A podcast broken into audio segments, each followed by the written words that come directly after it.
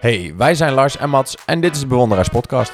Omdat wij ook niet alles weten, gaan we elke week een gesprek met iemand die we bewonderen. Op zoek naar wijsheid, groei en inspiratie. Hi, welkom bij de podcast. Onze gast van deze week is wereldkampioen BMX Twan van Gent. Ik heb Twan vorig jaar gevolgd voor mijn documentaire Alles of Niets op weg naar het WK, wat hij uiteindelijk wist te winnen. Ontzettend inspirerend verhaal waar ik Twan beter heb leren kennen en ik denk dat hij voor een hele hoop mensen een hoop mooie dingen te vertellen heeft. We hebben het met hem onder andere gehad over keihard werken, je eigen weg bepalen en doen waar je gelukkig van wordt. Enjoy! Twan, welkom bij de podcast. Ja, ja, welkom. Ik vind het leuk dat ik hier kan zijn. Wij ook. Ehm, wij hebben elkaar natuurlijk vorig jaar best veel gezien toen ik een documentaire over jou heb gemaakt. Ehm, ik heb denk ik vier maanden acht jaar gelopen met een camera in mijn hand. En een paar mensen omheen. Ehm, ik vond het super vet om te zien hoe jij die... Ja, hoe jij in, je hebt een enorme ontwikkeling doorgemaakt in die relatief korte periode. Begin van het seizoen lukte helemaal niks. En halverwege het seizoen werd je wereldkampioen. Waar is dat begonnen? Kun je, kun je ons even terugnemen naar het, het helemaal het begin van eh, aan het seizoen? Er is toen heel veel veranderd eigenlijk in off-season. Wat is allemaal gebeurd en waarom? Ja, dan moet ik eigenlijk teruggaan naar de week, drie weken voor het WK in 2018. Want Daar is het eigenlijk allemaal begonnen.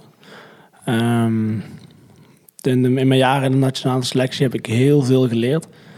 Eh, vooral in de beginjaren heb ik echt eigenlijk alles eh, wat, wat Bas toen de tijd deed, was, had een hele, hele positieve werking op mij. En ja, dat, dat, dat ging echt in een gigantisch stijgende lijn. En eh, als je ook eh, kijkt naar de, Olympische Spelen in 2012. Toen zat ik net drie jaar in de ploeg, drieënhalf jaar in de ploeg, denk ik. En je rijdt je eerste Olympische finale. En ik was een maand twintig. Ja, dan gaat het heel snel. Maar eh, ja, zoals ik ben, gaat dan... Ja, die stijgende lijn wil ik vasthouden. En er kwam een beetje een ja, stagnering kwam erin. En die heeft een aantal jaar vastgehouden. Omdat ik bepaalde prikkels nodig had die ik niet meer kreeg of te weinig kreeg. En ik wilde een veel individuele, ja, individualis- ja, individueel, ja, individuele programma. Ja. Dan dat ik eigenlijk eh, toen de tijd kreeg. Want het is een individualistische sport. Of individuele sport. Ja, Ja. Dat, precies dat. En ik, ik, goed, we zitten met z'n allen in een team. En als ik de jongens aankijk, nou, we doen allemaal hetzelfde sport. Maar geen één lijkt er op mij. Of geen één lijkt erop een andere teamgenoot. Ja, jullie zijn, hoeveel mensen zaten jullie in een team? Wij zaten met tien man in een team. Ja. Ja. En we deden allemaal hetzelfde programma. Nou ja. En Ja. anders gebouwd en andere gasten en hebben andere dingen nodig natuurlijk. Ja, bijvoorbeeld. En iedereen heeft zo zijn eigen specialismes. En eh, dat, was, ja, daar zag je ook heel veel terug. Eh, je had eigenlijk elk jaar iemand anders die een heel goed jaar reed. Ja. En het was heel zelden dat het twee jaar achter elkaar iemand heel goed was. In de trainingen was ik altijd best, wel- ja, best oké. Alleen wanneer dan de, wed- de wedstrijden waar het om ging, Ja. was ik nooit op mijn best. En daar stoorde ik me aan. Maakt hij het jezelf gek in de kop? Of waar, waar, waar lag het aan? Nee, ik zal niet zeggen dat het in mezelf in mijn- in mijn, in mijn, kop lag. Maar het, het- als je in het voorseizoen eigenlijk, nou, nog alle kleinere wedstrijden wint. En dan eh, richting het WK, richting de kampioenschapwedstrijden. Leek het elke keer alsof de, de curve ja, afboog. En dan piek je gewoon te vroeg. Ja. Ja. ja. Wat voor stap heb je toen gezet? Toen ehm, ben ik in 2018 voor het WK. Eigenlijk de maanden ervoor eh, vulde ik eigenlijk nou nog mijn eigen programma in. Ja. Nou goed, daar hebben Bas en ik toen best wel wat woordenwisseling over gehad. En eh, positief eigenlijk. Ja. Ja, eh, hij heeft me toen een kans gegeven. Ja, om dus drie weken lang... Ja, niet volledig, maar wel iets meer... in de individuele benadering te, hebben, te geven. ja. Ja. En daar was ik zo blij mee. En dat voelde zo goed. Dat ik heel erg een bewijzing, bewijzingsdrang had op het WK 2018. Ja, om te laten zien dat dit voor mij werkte. Ja. Daar begint het. ja. ik, eh, ik ben op het WK. Het waaide super hard tijdens de training. Ja, ik spring in het tweede stuk, wat eigenlijk een risico was, waar ik eigenlijk niks mee kon winnen die dag. Ik kon geen wereldkampioen meer worden, maar als ik eraf ging, kon ik wel heel veel mee verliezen. Ja. Kwam ik af, eh, achteraf een beetje achter. dus eh, ik breek daar mijn enkel en eh, scheur mijn enkelbanden in. Shit. Ja, maar een dag later wel het WK gaan rijden. Zo eigenwijs dat ik ben. Want hè, ik had iets te bewijzen. Ja, nee, ja, precies. Dat, ja. Ja, Ik dus heb ik, loop, gezegd, dus ik moet ook bij ja, zeggen. dus Ja. ik loop met mijn sokken. Er staat heuvel op. Mijn klikschoen zat al ingeklikt, want die kon ik zelf niet inklikken, want dat deed te zeer.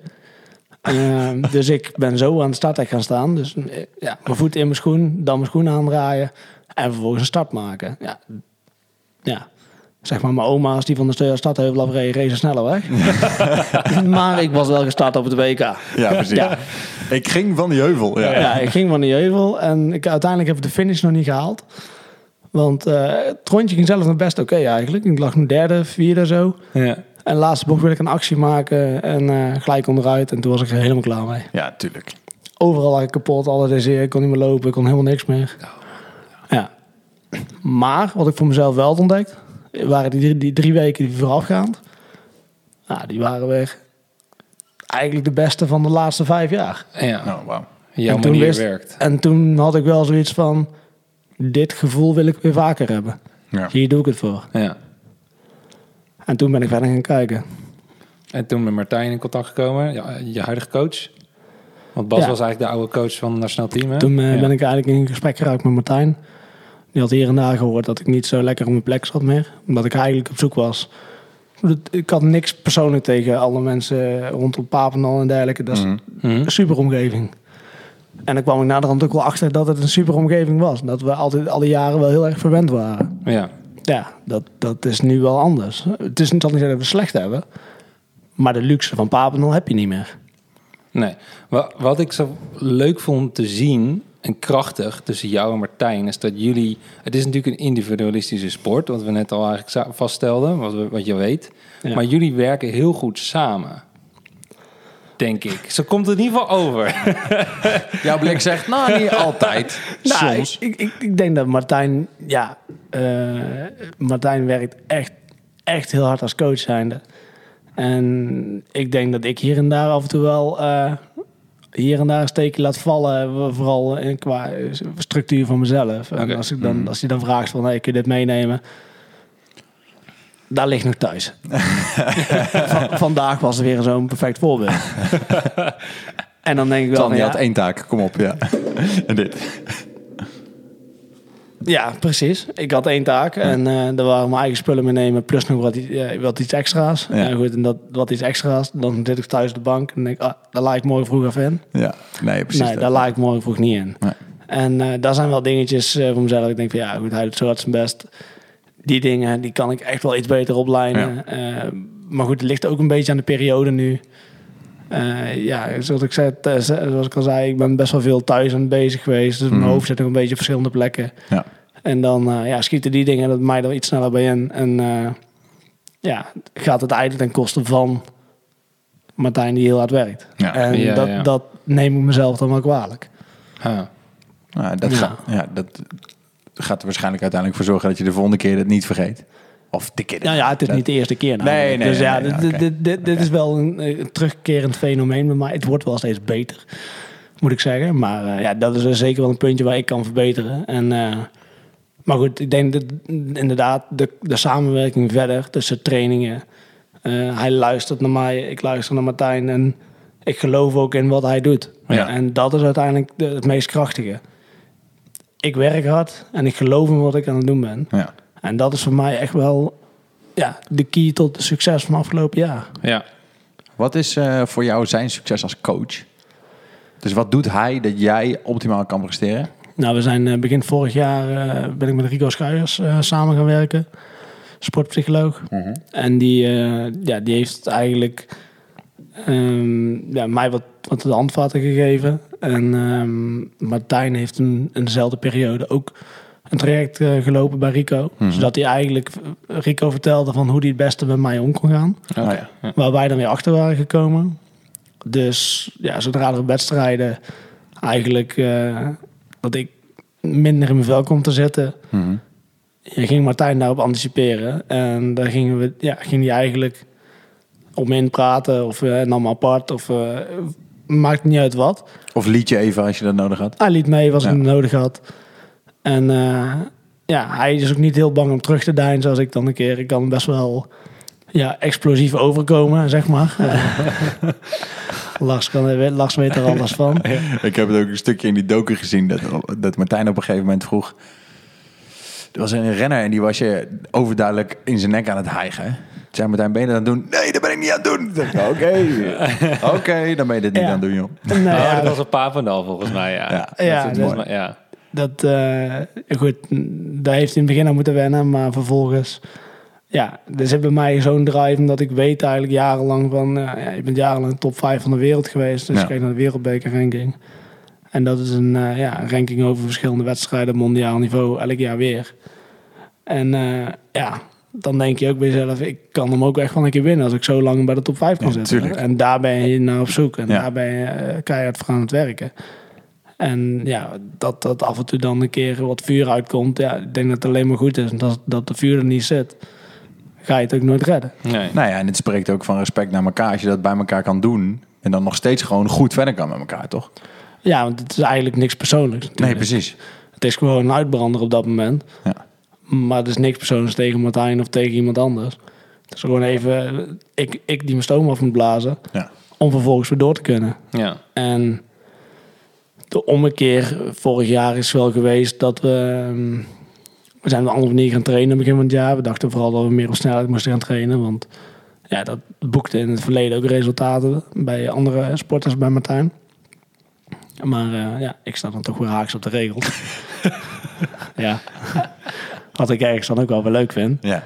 En, Martijn eh, ook wel, denk ik. Ja. Martijn natuurlijk ook wel. Alleen eh, vervolgens eh, komen we er eigenlijk achter in Sarrians, Frankrijk. Ja. Dat was ongeveer in deze periode, volgens mij vorig jaar. en eh, ja, ik reed daar relatief zwaar voor, die, voor de stadheuvel. En eh, ja, ik had het hele weekend, eigenlijk twee dagen lang, alle rollshots. Dat wat ik het hele jaar nog niet gehad had. Waar ik wel erg naar op zoek was. Ja, dus dan, dan ben je als eerst beneden. Voor de niet ja, dan ben je als eerste, als eerste in de eerste bocht. Ja, Ja. tof. Alle rondjes die ik rijd, alle 14 rondjes, ben ik als eerste in de eerste bocht geweest. Ja, dat zet je wel aan het denken. Ja. Vervolgens zeg ik tegen Martijn, we moeten een manier vinden dat ik op vermogen van die stadheuvel af kan rijden. Mhm. Ja, en dat hebben we eigenlijk in een ja, anderhalve maand tijd hebben we dat omgeschakeld in het trainingsprogramma. En dat resulteerde eigenlijk in eh ja, NK word je tweede, EK word je tweede. Heel dichtbij twee keer. En het WK win je dan. Ja, Ja. tof. Dus dan zit je in het begin van het seizoen zo ver weg voor je gevoel. Terwijl je eigenlijk al zo dichtbij zit. En Martijn die zei toen heel vaak van... er hoeft maar dit te gebeuren en het klikt en dan gaat het balletje rollen. Ja. En jij had inderdaad, er was een soort van... iedereen wist de potentie, iedereen wist dat het in je zat. Alleen er was elke keer iets wat nog niet helemaal... het plaatje klopte nog niet helemaal compleet. En daardoor lukte het je niet, zoiets. En ik vond het zo mooi dat, te zien dat... jij had bijna bij... ehm, zeker in Parijs... eh, natuurlijk in, in Engeland eh, was het de eerste, denk ik, hè, Manchester. Een, een flinke crash. Maar ook in Parijs was je best wel... ehm, ik zal niet zeggen wanhopig, maar nou, misschien wel. Je was echt klaar. Ik eh, was in Parijs eh, zo klaar met alles. Ja, Dat ik eh, zei dat als het in Zolder niet anders gaat, dan gooi ik de handdoek in de ring en kap ik mij. ja. Ja, zo, zo ver was het bij mij wel. Ik had er alles aan gedaan. Ik had er alles in geïnvesteerd. geïnvesteerd. Fysiek zoals financieel, alles. Ik was er al in gegaan. En ja, als dat niet goed genoeg is, dan is het niet goed genoeg. ja. Maar je onderbuik zegt dat het wel kan. En daardoor ga je door. En dan daarna beginnen eigenlijk dingetjes een beetje op zijn plek te vallen. En komt de rust van ja, mijn eigen woningje hebben en toch alle, altijd klussen begin van het jaar. Komt dan een beetje bij mij terecht. En ja, ik, ik word gewoon fitter. Ja. En dat merk je dan gewoon. Die, die ommekeer die komt dan in ja, begin juni eigenlijk. En dat duurt even voordat het echt, echt daar zit. En voordat we het eigenlijk wisten, was ik echt naar een piek aan het werken. Nou, die beter was ooit tevoren. ja. In zo'n korte periode. Natuurlijk leg je de basis een hele winter neer. Alleen dat was wel, wel, wel mooi om te zien dat je eigenlijk in tien weken tijd... Ja, dat ik naar zo'n piek kan werken in, ja, en die even vast kan houden over een aantal weken op de kampioenschapswedstrijden. Dat was vooral het mooiste voor mij. Ik was eindelijk een keer op mijn best op het WK. Ja. En daar was ik jarenlang naar op zoek. Hey, en hoe... eh, Telefoon is uit. oh, wat goed. Mijne was het niet. Nee, nee precies. Mijn is Wie, uit. wie heeft... Ik heb Mijn uit. telefoon. Maar ehm, hoe belangrijk is voor jou eh, je mentale rust versus die fysieke eh, fitheid? Ja, Ik weet van mezelf dat ik heel belastbaar ben, maar dat is ook een valkuil. Mhm. Ik, eh, ja, mm, voor mij is de mentale rust eh, op de bank liggen voor mij het allerbelangrijkste wat Ja. er is. Ja. Dus vandaar dat ik nu ook weer dingen aangrijp. Nou, dat even geen wedstrijden zijn. Mhm. Om dingen af te werken, zodat ik dadelijk weer, zodat, wanneer het moet, Ja. dat ik eh, het verhaaltje weer kan gaan herhalen. Dus de investering voor straks. De investering van straks. Ja, Ja. En als je teruggaat naar het WK. Ik Mhm. heb de, het weekend voor het WK... heb ik 44 afleveringen op Netflix gekeken. Ik weet niet eens meer van welke serie. om mezelf maar op de bank te houden. Ja, gewoon oud zonen. Ja, ik deed 's ochtends vroeg deed ik een wattbike sprint. Die percent, eh, ja, de resultaten daarvan schreef ik op. Uh-huh. En eh, ja, dat was het voor die dag. Wauw, ja. En dat, was, dat waren de twee langste dagen van het jaar. Voor mij. Kan ik me wat bij voorstellen. om dan niet de hele tijd naar de koelkast te lopen om te gaan eten. Want ja, je verveelt je eigen natuurlijk helemaal. Ja. Ja, Dus dan ga je maar lopen en dan loop je langs die koelkast. En dan, ja en dan pak je maar een glas water. Oh ja. Lekker man. Ja, maar die dingen. 44 glazen water. ja, Ik, ik ben letterlijk opgestaan, drie keer van de bank af. Ja, en om naar de wc te gaan. ja. Voor ontbijt, lunch en avondeten. En dat was het. Oh, heftig. Maar dit heeft je dus wel daar gebracht. Je, je wist dat dit nodig was of zo. Ik, eh, Ma- Martijn zei dat ik het moest doen. Jij komt niet van de bank af dit weekend. Nee. Dat was heel moeilijk, maar het is wel gelukt. En vervolgens zie je het resultaat. Ja. En dan denk je, ja, het zijn de kleine dingetjes die het hem doen. Ja. Maar was dat, nou ja, een hele opgave lijkt me. Was dat bankzitten vooral voor je fysieke of voor je mentale rust? Voor beide. Ja, oké. Het was een goede, ja. Ja, het was, voor, het was voor beide. En mentaal was het heel moeilijk, want ja, je wilt ook iets gaan doen. En je bent bang dat je te weinig gaat doen. En Ja. Ja. je weet dat je in principe in vorm bent. want Je bent EK naar tweede geworden. En het komt eraan. Ik heb wekenlang getraind in Zolder. Je weet dat je daar goed bent. Je weet het eerste stuk dat eigenlijk niemand je kan hebben daar. Nee. Dat weet je eigenlijk. Ja. Alleen ja, je gaat het niet roepen, je gaat het niet zeggen. En je zorgt alleen maar dat, ja, dat je in de training ronddraait. En ik doe maar drie inspanningen. Maar de drie inspanningen zijn zo goed. Ja, en dan zie je een dag later dat de Colombianen aan het analyseren zijn hoe je de eerste bult neemt. Tof. Oh ja, Dan, nog, ja. ja. en dan weet je wel van, ik heb mijn huiswerk goed gedaan. Ja, precies. Ja. Ja, dat was een mooie bevestiging van... mm, dit, komt, dit komt eigenlijk bijna al wel goed, zeg maar. Ja, vrij, veel zekerheid dat je de halve finale of de finale al wel ging halen. Nou, uiteindelijk moet je het wel doen. Ja. Maar ik, wist, ik voelde me eigenlijk eindelijk een keer de man to beat. Ja. Ja, Had jij trouwens door, want de finale... Dat was, dat was natuurlijk het kwam het bakken uit de lucht. Dat was een enorme valpartij. Je ging zelf ook bijna voorover op het tweede stuk. Ehm, eigenlijk heb je de laatste helft van de baan in uppie gereden. Had je dat door? Uh, ik had het op dat moment helemaal niet door. Ik kom het tweede stuk over, wat ik overleefd had eigenlijk. En ik was aan het wachten op het derde stuk. Ik reed met lood in mijn schoenen rond op het derde stuk, want ik dacht, nou komen ze. Ik maakte best wel een grote fout. Niet weten dat ik eigenlijk al een meter of zes voor lag, Ja. voordat ik überhaupt die fout maakte. Ik dacht dat ze in mijn nek zaten. Want ja, het is BMX en de de verschillen zijn gigantisch klein. Ja. ja. Alleen, ja, toen hoorde ik iets in de tweede bocht. Maar ja, ik wist niet... Meestal valt er eentje. En er zit er echt nog eentje achter je. Dus ja, ik heb niet omgekeken. En toen de laatste bocht nog steeds één lag. En eigenlijk voor mijn gevoel comfortabel één lag. Ja, toen reed ik hem zo uit naar de finish. Toen wist ik dat ik hem gewonnen had. Ja, lekker. Maar het derde stuk was het meest moeilijke van allemaal. En je hoorde- Ondanks, je hoorde ondanks het tweede niet- stuk. Nee, ja, ik hoorde helemaal niks. Ja. Rustig, rustig. Nee, niks van gehoord. Martijn Nee. heeft zijn longen kapot geschreeuwd volgens mij toen. Ja, dit was een goed beeld, ja. Ja, het, was, het was leuke televisie, heb ik na de Ja, ja, precies. Ja. Ik snap dat je dat zelf anders ervaard hebt. Ja, ik, ik heb daar niks van meegekregen. Nee, Alleen nee. dat eh, de Belgische omroep, eh Spoorzaar geloof ik, die, eh, ja, die hebben toen eh, ook nog ge- gevolgd dat ik de tribune inklom. Ja. En eh, ja, de Belgische commentaar erbij was wel echt, eh, was wel echt hilarisch. Dus eh, die dingen heb ik gezien. Maar eh, van, ja, als je alles terugkijkt, denk je echt van... Gast, rij hem rustig uit naar die eerste bocht. Je had hem in je sloffen. Ja, je had hem in je sloffen gevonden. ja. Eigenlijk. Ja, tof. Je had niet meer hoeven trappen of pompen eigenlijk het laatste stuk. Maar goed, dat weet je natuurlijk niet. Hij, hoe heb jij... ehm, eh, jij hebt heel erg veel... Je hebt nu ook iets weer met je hand.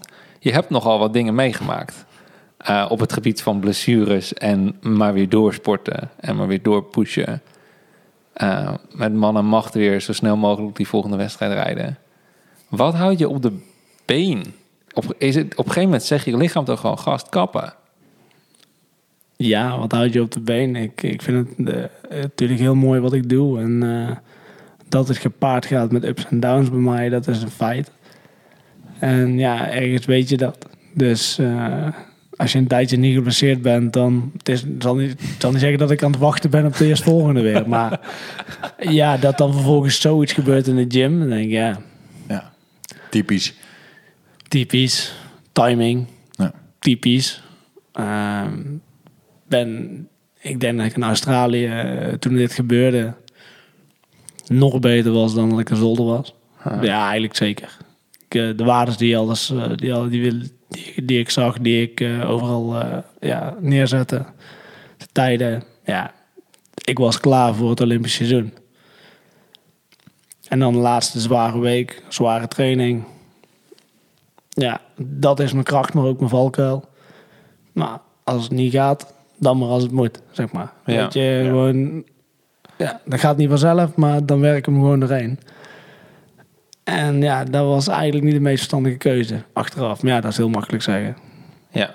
Ik wilde de week goed afsluiten en dat was de laatste zware week. En die wilde ik gewoon eh, dicht bij mijn PS afsluiten. En vervolgens eh, ja, de wereld, het wereldbekerseizoen beginnen dit jaar. Ja. Ja, en ja, dit hou je niet voor mogelijk eigenlijk. Maar Je hebt ook in Londen op het podium eh, de finale gereden met zes weken, zes weken daarvoor een gebroken schouder. Nee, Zoiets? ik kan het nog mooi vertellen. Ja. Eh, Ik weet niet meer alle Ja, details. laat hem het vertellen. ik, eh, ik heb in tien weken tijd, eh, toen van tevoren, heb ik een eh, schouder gebroken. Daar ben ik toen aan geopereerd. Dat was een tuberculous Myers fractuur. En eh, ja, omdat het ging eigenlijk best wel goed. En kon best wel, best wel weer snel eh, eigenlijk weer de fiets op. Plus minus zes weken. Maar net voordat ik eigenlijk de eerste baantraining ging doen, ja, was ik in de gym, was ik in, eh, met, ja, zat met deze arm in de sling. eh, om gewoon rust te geven. En was ik een boxjump aan het doen op één, ja, éénbenig. En ik zet af eigenlijk, en dat je met je armen zwaait. En ja, ik verbrijzel gewoon mijn middenhandsbeentje tegen een houten kist aan. Ja, vier weken voor het spelen. Ja. Dus ik kom weer onder het mes. Dit keer met mijn andere hand. Ja. En toen... eh, ja, ik het eerste wat ik te horen kreeg van de artsen van... Ja, ik zet je spelen maar uit je hoofd, ik ga je niet redden. Mhm. Wat zei je? Wie ben jij dan? Nou ja, ik zei gewoon, ik zei gewoon eh, ja, vind maar een arts die het wel doet. Ja, Ja. regel het. Ja. Ja, en die hebben ze gevonden. En eh, ja, uiteindelijk eh, gingen de hechtingen eruit. Vijf dagen voordat we naar Londen gingen. En eh, ja, Man of Steel. Dit ja. is doorzettingsvermogen, mensen. Ja. ja, ja. dus als je vier weken, ja, weet je dat de bot niet aan elkaar zit. Nee, En eh, ja, meestal niet, inderdaad. nou ja, goed. En eh, als ik nou mijn vingers wil buigen, dan zit hier altijd een spleet tussen. Nou ja. eigenlijk. ja. Dat er gewoon, ja, het was helemaal kapot. Het is aan elkaar geschroefd en eh, ik ben gaan fietsen. Ja. Vijf, volgens mij vijf dagen later was ik aan het fietsen. Ja. Heeft het eh, die instelling van gewoon doorgaan, zie je dat ook in andere delen van je leven of beperkt het zich tot fietsen? Nou, de andere delen van het leven, eh, eind 2018, krijg je ongeveer alles op je bordje waar je geen zin in hebt. Zeg Ja. maar, ja. Dus Ja. Je, je relatie gaat uit, eh, zelf niet voor gekozen. We samen gewonnen, maar dat ging ook niet, dus ook niet door. Dus ik zat weer terug bij mijn ouders. Ik was net geopereerd, ik had nog een blessure. Ik was net van team gewisseld, dus eigenlijk al mijn comfortzone die ik had, Lach even. ja. was weg. Ja. Ik moest helemaal opnieuw beginnen. Ja, en dat, en ja, als je kijkt wat er in zeven maanden tijd kan gebeuren. Ja, dat is niet omdat ik bij de pakken neer ben gaan zitten. Tuurlijk was het lastig de eerste weken, maar Mhm. je hebt hulp gehad van heel veel mensen van heel, di- ja, die dichtbij me staan. En ja, het, het mooiste van alles is nog dat, ja, dat, dat die periode, eigenlijk die moeilijke periode, ja, die is vastgelegd op beeld. Ja. Ja, en het resultaat is geweldig. ja, tof. Ja, het was ook gruwelijk om bij te zijn. Ik vond het echt heel vet. Ik heb ook niet eerder met tranen in mijn ogen staan filmen, denk ik. Dan toen bij het WK. Ja, Ja, ja, je, je, ja, je wist hoe, hoe alles is gegaan eigenlijk. Ik heb, als, ik- ja, als iemand iets wist, was jij het wel. En ik heb heel mijn, ja, mijn verhaal eigenlijk gedeeld voor de camera. ja. En eh, ja, als je dan ziet dat, dat dat het resultaat is. En ja, hoe emotioneel betrokken de mensen waren die het verhaal wisten. Ja, dat was zelf ook wel heel mooi om te zien, moet ik zeggen. Eh, on- Ondanks je dan wereldkampioen bent, op dat moment, je ziet die dingen, die raken je eigenlijk nog het meeste. Ja, en dat de eerste keer eigenlijk in mijn leven dat al mijn vrienden er zijn. Mijn ouders zijn erbij. ja, hoe mooi wil je het hebben? Alle mensen die je eigenlijk kent en jarenlang hebben geholpen en ondersteund hebben. Die zijn er op dat moment dat het dicht bij huis is. ja. En ja, een, een Olympische titel winnen gaat nooit zo mooi worden als dat moment daar. Dus ja, voor mij is dat denk ik het mooiste moment. Ook al ga je volgend jaar naar goud halen. ja. Ah, tof. Om- Gewoon puur omdat alle mensen erbij zijn. En dat je het kunt vieren met je vrienden en je familie. En daar gaat het uiteindelijk wel om. Ja, ja, die omstandigheden zijn dan gewoon perfect. Ja, die omstandigheden zijn perfect. En ja, je kunt wel heel leuk iets vieren in je eentje. Maar uiteindelijk heb je toch echt wel je vrienden nodig om een feestje van te maken. Zeker. Ja, dat helpt in ieder geval wel, toch? Ja, en, met z'n en- allen kan en, je- doen. en uiteindelijk, kijk, je kunt in je eentje de mooiste plekken bezo- bezoeken. Ja, Maar die wil je uiteindelijk delen met degene die het meest dierbaar is. ja snap ik. Ja, en zo wil je eigenlijk ook je feestje vieren. Ja. En ja, je overwinningen. Maar dat kan lang niet altijd. Hey, want ik kan me... Hoe was voor jou persoonlijk de omschakeling van team naar ja, redelijk solo aan de slag bij Red Bull? Nou, eh, er zit nog steeds in een team. Dat is Oegema TV. En eh, ja, echt, echt heel solo is het niet. Maar het is wel volledig anders ingericht als, als, als het voorheen was. Ja. Voorheen werd alles je toegereikt. En nou moet je ook veel meer zelf gaan onderzoeken. En Halen. ja, zelf gaan halen eigenlijk. Investeren en ja, kijken waar, waar kan ik het beter krijgen. Of eh, ja, je moet, je moet je eigen sponsoren gaan zoeken daarnaast. En die dingen, ja, daar heb je eigenlijk allemaal geen zin in. Maar je moet het wel doen. En wat, wat heeft dat je dan opgeleverd? Want eigenlijk, als je zeker als je vertelt, hey, in 2018, relatie ging uit, eh, we gaan samenwonen, weer terug bij mijn ouders. Maar je hebt een enorme kickstart gemaakt daarna. Hoe prettig was het om het daarna op jouw manier te kunnen inrichten? Hoe belangrijk is dat voor je? Dat is eigenlijk de eerste keer, in mijn- de eerste keer in mijn leven geweest dat ik dingen echt... Ik trok mijn eigen plan. Mhm. En wat de rest ook zei, maakte niet uit. Ik deed toch wel mijn eigen ding. En dat voelde eigenlijk zo goed. Ja, wa- ja, waardoor de volgende, ja, die volgende stappen eigenlijk een domino-effect was. Ja. Ik had dat gewoon veel eerder moeten doen. Ja. Maar ja, je, je krijgt niet altijd de kans. En, en nou creëer je de kans eigenlijk voor jezelf. Ja. Met een beetje hulp van anderen. En eh, ja, dat is eigenlijk het sleutelmoment geweest vorig jaar. Dat je dat moment zelf creëert. Je pakt het controle in eigen hand. En eh, dat je dan tegen Martijn zegt eigenlijk... Ja, ik heb geen excuus op het WK. Ik ben goed. Ik Ja. heb hier mijn huiswerk gedaan. Let's We go. hebben alles getest. Als het nou niet goed genoeg ben, dan is een ander sneller. Ja. En dat was heel kwetsbaar. Ja. Maar ja, dat wel echt. ja. En vervolgens rijden. En dan zie je eigenlijk wat je allemaal kunt. Ja. En ja, dan denk je, heb ik het jarenlang niet goed aangepakt. Als je terugkijkt. Nou, ik, ik weet niet of dat zo... Me zeggen, kun je... Ik kan me voorstellen dat je daar ook een heel, heel hoop van geleerd hebt... door het jarenlang niet te doen zoals je zelf zou doen. Ja, of je hebt jezelf wel heel lang heel dom gehouden. Eh, ja, Je hebt de makkelijke niet, weg hè? dat gekozen. weet ik niet. Dat is, ja, dat is wel Je hebt de achteraf makkelijke weg gekozen misschien. Ja. Heb je de weg van de minste weerstand gekozen. altijd de Snickers, niet de banaan. Ja. Ja. En nou heb je durven investeren. En Ja. je hebt durven risico te nemen. Ja. Maakt dat je meer trots ook? Ja, zeker. En ik bedoel, dit, dit is een gevolg van keuzes die ik zelf gemaakt heb. Ja. En het was niet de makkelijkste. Nee, dat, dat geloof ik. Nee, en dat, dat was het eigenlijk. Dat je dus, oké, je kiest de weg van de meeste weerstand. Mhm. En het kost heel veel energie. Maar je krijgt ook het meeste resultaat uiteindelijk. Ja. En als je... De meeste voldoening. Resultaat is niet eens belangrijk. Het meeste voldoening. Ja, je hebt er zo hard voor gewerkt. En ja, uiteindelijk wordt, wordt het, hele verhaal natuurlijk wel gigantisch mooi... omdat je dan het uite- uiteindelijk afsluit met de wereldtitel. Ja. Of niet eens afsluit. eh, dat het eigenlijk een gevolg is van het proces... en dat je eigenlijk nog in midden in het proces zit... maar wel in één keer van... ik wil de beste worden van... ik, ik ben de beste. En nu? Ja. Ja. En dat was ook het verhaal met de documentaire eigenlijk. Er zou eigenlijk twee delen worden. En het is in één keer in één deel. Oké, we zijn er al. Ja, Het is genoeg. Ja, en door, en, ja. en nu? ja, precies. Ja. Ja. En eh, dat, is, eh, dat is wel het bijzondere eigenlijk aan het, aan het hele eh, ja, verhaaltje eigenlijk. Wat, wat, wat eh, van afgelopen jaar. Hey, en als je dan eh, dat zo kan stellen, hè, dus dat je gedaan hebt wat, wat voor jou goed voelde, wat bij je past, heeft dat je ook een heel ander mens gemaakt? Eh, ik ben wel de kleinere dingen iets meer gaan waarderen, ja. Oké. Ik, zoals ik al zei, op, op, op Papendal kreeg je heel veel dingen toegereikt. en was heel, Ja. heel veel vanzelfsprekend. Aha. En ja, mas- massages en dergelijke, die werden allemaal, kon je inplannen elke week. Oh ja.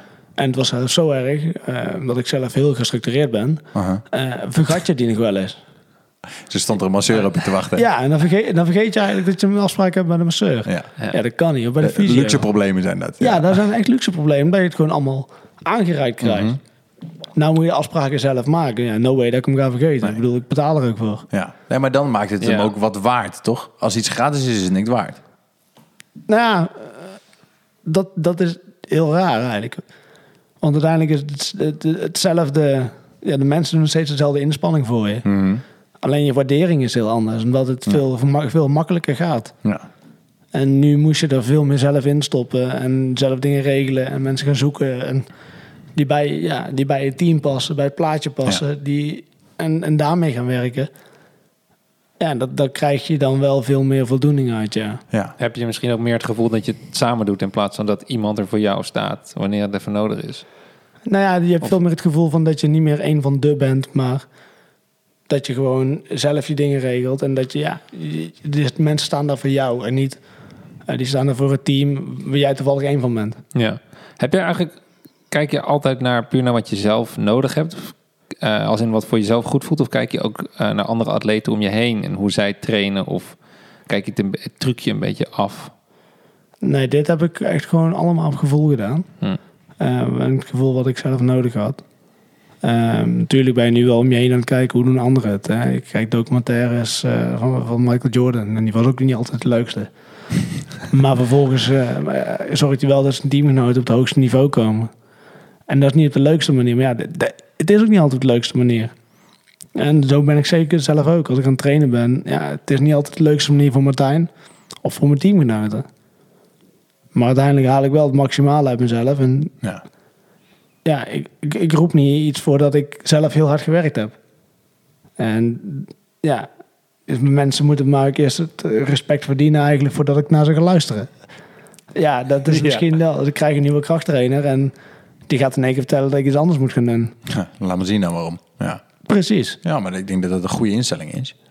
En, eh, hoe is dat ontstaan? Nou ja, goed, je, eigen ervaring. Je bent tien jaar aan topsport aan, eh, topsport aan het doen. Ja. En vervolgens doe je dingen al tien jaar volgens eh, ja, protocol van een andere kra- krachttrainer. En Mhm. dan komt er nu iemand aan. Ja, maar dat doe je helemaal verkeerd. Wie Ik ben squat- jij? Ik squat 230 kilo. Jij? Ja. Ja, da- dat is het eerste waar je opkomt. Ja. Eh, maar ik doe dit al jaren. Ga jij me vertellen dat ik het in één keer niet goed doe? Ja, dat zijn wel... Dat is ook mijn eigen valkuil natuurlijk. Maar eh, ja, dan vervolgens komt hij met dingen aanzetten. En dan denk ik, hé, ja, dat was eigenlijk niet eens zo gek. Hoeveel squat je nu? Nou ja, dat is, dat is niet eens het belangrijkste. Oké, top. Ik, eh, ik doe mijn krachttraining met veel meer power output. En dat is veel, veel meer effect, ja, veel meer ja, direct effect op onze, op onze sport. Ja. Als ik eh 250 kilo heel langzaam kan squatten. Het is niet heel interessant. Nee, Nee, dat is heel leuk. Maar Ja. ik ben geen powerlifter. En uiteindelijk gaat het erom dat mijn krachttraining een ondersteunende factor is voor op de fiets. Ja. En niet dat de, mijn krachttrainer zijn eigen doelen stelt van... ah, hij is toch wel 250 kilo gaan squatten bij mij. ja, precies, precies. Dat is een eigen ego aan het strelen. Nee. Als je benen maar snel blijven gaan. Ook Ja. rondjes. Je had een tijdje geleden een keer een filmpje dat je even op de BMX of een roller eventjes een paar rondjes draaide. Je zag een blur in plaats van rondjes draaien. Ja, maar dat, dat is uiteindelijk wat het bij ons om gaat. Ja. We moeten van 0 naar, eh, naar 60. En het liefst, het liefst eh, gisteren nog. ja. Zeg maar, zo, zo snel wil je alles ga, la- laten gaan. En eh, als je dat kunt ja, optimaliseren en het maximale eruit kunt halen. En dan lig je al voor en dan moet de rest je maar in zien te halen. En dat is het, eh, ja, naast dat we die dingen doen, doen we ook op de baan natuurlijk focus op houding op de fiets. Waar kun je optimaliseren? Eh, je, lichaam gebruiken. Waar ligt je eigen kracht? Kijk naar anderen, kijk naar jezelf. En, en hoe ga je die vergelijk maken? En hoe kun je daar weer van leren? En daar ben ik eigenlijk hele dagen mee bezig. Ja. Sick. Dat blijft ook altijd leuk, denk ik. Dat proces. Of niet? Ja, het proces eh, ja, verandert steeds. Er komt steeds maar iemand, een, een nieuw iemand bij. Die dan weer iets op een hele snelle manier kan doen. En ja, het enige wat je dan doet is alle filmpjes eh, die euro's kopiëren van Instagram. en op je telefoontje of je iPad alles terug zitten kijken. En waar, waar haalt die snelheid uit? Ja. En Martijn gebruikt nou ook Dartfish erbij om dingen over elkaar te leggen. En dat is wel interessant. Dan eh, doe ik zelf twee, doe ik een derde stuk op Papendal op twee verschillende manieren. Huh? En het lijkt alsof de ene veel sneller is dan de ander. Maar uiteindelijk ja, scheelt het misschien een paar honderdste. En dat is dan weer kennis en een extra dimensie die, die dat weer toevoegt aan het trainen. En vervolgens zie ik dan dat ik die laatste bocht helemaal verkeerd instuur. En dat een teamgenoot die eigenlijk een meter of vijf achter ligt, de finish maar wel inhaalt. Oh, omdat hij dan beter instuurt en eh, die stappen maakt. Ja, Ja. Ja, cool. Ja, jullie doen heel veel analyse, hè? Dat zag ik ook bij al die wereldbekers. Dus hij, Martijn filmt alles. En Ja. jullie zitten eigenlijk na elke ronde meteen te kijken van... wat gebeurde er? Hoe kan het beter? Eh, wat deden anderen? Eh, waar, waar, waar, waar liet ik een gat vallen? Om, waar iemand me misschien kan pakken? Dat soort dingen. de- daar ligt uiteindelijk de kracht ook wel. Ja. om nog te kunnen groeien in de wedstrijd. Eh perfect te ad- adapteren aan de baan en omstandigheden. Ja, dat, dat kan alleen als je één op één met iemand werkt en samen dezelfde doelstelling hebt en niet ja, iemand die ook zichzelf eh, ja, voor tien anderen zo in moet zetten. Want hij kan niet zeggen, ik wil niet jij wint en dat jij wint en dat jij wint. Dat kan uiteindelijk van de dag niet. En dat, dat is de moeilijke van, van het coachen van meerdere mensen Mm. in dezelfde tent. Ja.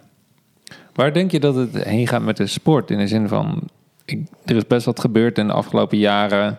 En dan weet ik niet in de jaar precies hoeveel jaar, maar laten we zeggen vijf tot tien jaar. Qua banen en dergelijke, snelheden.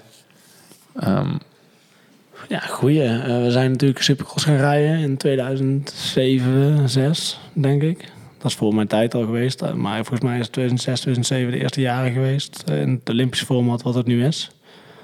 En ja, waar gaat het naartoe? Kijk, zolang het Olympisch blijft, zal het niet heel veel veranderen. En wordt het niet Olympisch meer, dan weet ik niet of Supercross nog heel lang bestaat. Hm. Als ik heel eerlijk ben. Ik ben er zelf wel fan van. Ik vind, Waarom? ik vind het mooi. Eh, de risico's. Als je kijkt in Amerika, dan rijden, het dan rijden de meesten nog liefst op een, eh, op een lage stadheuvel en eh, een klein baantje. En ja, dan ligt de snelheid gewoon een stuk lager. Als je ziet ook ja, hoe, hoe makkelijk het ook goed mis kan gaan eigenlijk. Omdat je met z'n achten centimeters van elkaar verwijderd zit. in de lucht met 60 En- km per uur. Ja, en met Ja, 60 km per uur en 12 meter door de lucht in vliegt. En dan elkaar de, de helft van het einde aanraakt ook. Ja. Want je wilt elkaar zo moeilijk mogelijk maken, want jij wil winnen. Oh man, het was zo erg. En dat is volgens mij niet eens officieel een supercrossbaan, maar in Manchester. Ja, het is wel een officieel Jawel, supercrossbaan, maar maar hij korter. is, ja, hij is, hij is gewoon klein. De eerste bocht, ik denk serieus, we zijn hier twee dagen geweest en er waren een hoop deelnemers. Echt heel veel rondjes gezien. Ik denk dat letterlijk de helft van de rondes iemand onderuit ging. En bijna altijd in de eerste bocht. Het is een fijne uitdagende baan. Kan Niet normaal. Nee. Echt super gevaarlijk. Zoveel brancards en ambulances en mensen die hinkelden. En ja, vreselijk eigenlijk. Ja, de, de ding is, de Manchester is eigenlijk het eerste stuk te kort voor de snelheid die we hebben. Dus je rijdt eigenlijk met de Formule 1 op een kortbaan. Oh ja. Ja. Maar je gaat wel met 20 man die eerste bocht in. Ja. Ja, Let's voor- go. Ja. Met ons is het dan acht, acht man natuurlijk. Maar Ja. ja, je gaat wel met z'n achter de eerste bocht in, terwijl je eigenlijk nog naast elkaar zit. Kijk, als iemand naast me zit, kan ik niet afdraaien. Ja. Maar ja, de baan had op, dus je zult moeten. Ja, je dus dan is het hij of jij. Ja, precies. Ja, is hij of jij. Ja, dan probeer je maar af te draaien en dan hoop dat hij het is. ja, dat is bizar, hè? Niemand vindt die baan ook leuk, wat ik toen begreep. Nee, alle rijders hebben zoiets van, shit, dan moeten we hier weer rijden. Ja. Maar ja, dat staat wel weer op de kalender. Want ja, Engeland wil dat. En die kunnen eigenlijk thuisvoordeel halen dan. Ja, en zo gaat het dan per land door. Is dat dan niet dat zo'n land denkt, joh, we verbouwen die baan even of zo? Of ben ik dan te... Ja, dan kom je bij een geldkwestie. En dan Ja, is de ja. sport niet zo groot. En ja, en dan hebben ze daar een binnenbaan liggen die al een paar, miljoen, een paar miljoen gekost heeft. En die hal kunnen ze niet even groter maken. Nee, precies. Maar er zijn ook regels dat we van de 5 meter heuvel mogen starten. Laat ons dan die 5 meter heuvel starten. Want Ja. dan hebben we de snelheid wat minder. Zullen er minder valpartijen zijn. Plus de bocht, de radius wordt groter dan de eerste bocht met de startheuvel buiten staat. Ja, Ah, Oké, ja. Waardoor er gewoon veel minder valpartijen gaan gebeuren. slim. Maar ja, dat doen ze niet. Hey, hoe, ehm, hoe belangrijk, hoe, hoe, hoe gestructureerd, even een stapje terug eigenlijk, maar ik vond het best wel ehm, vet om te zien dat jij in zo'n korte periode, toen vorig jaar, eh, eigenlijk een, een, een, een mentale stap maakte van het gaat nog niet tot, het gaat tot het, de absolute piek van je carrière. Ehm, hoe doelgericht ben je toen eigenlijk, hoe doelgericht ben je bezig geweest? Want het, het is niet een kwestie van altijd maar zo hard mogelijk fietsen, volgens mij. Er zit veel meer achter. Ja, eh, er is, de, je, kunt er, eh, je moet er dan volledig voor gaan leven. En dat wil zeggen dat je jezelf in de spiegel kijkt. Heb ik er alles aan gedaan. Ja. Dus training, voeding, slaap, rust. Al die dingen bij elkaar. En als die dingen allemaal kloppen, dan ben je op de, weg, eh, de goede weg bezig. Daarnaast ben je nog bezig met een mentaal proces. Dus ja, je hebt je rust gewoon wel heel hard nodig om daar allemaal aan te wennen. En in de, je eigen comfortabel te voelen in een nieuwe setting die er eigenlijk is. En dat komt er uiteindelijk allemaal bij kijken. En dat totaalplaatje resulteert in hetgene wat je dan gedaan hebt. En wat er dan, ja, wat er dan aan het einde van het seizoen nog komt.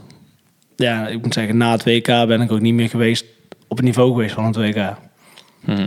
Omdat ik weer te veel afgeleid was met andere dingen die toen op mijn pad kwamen. En Martijn heeft dat geaccepteerd toen. En toen zijn we eigenlijk van de winter na, na het test-event.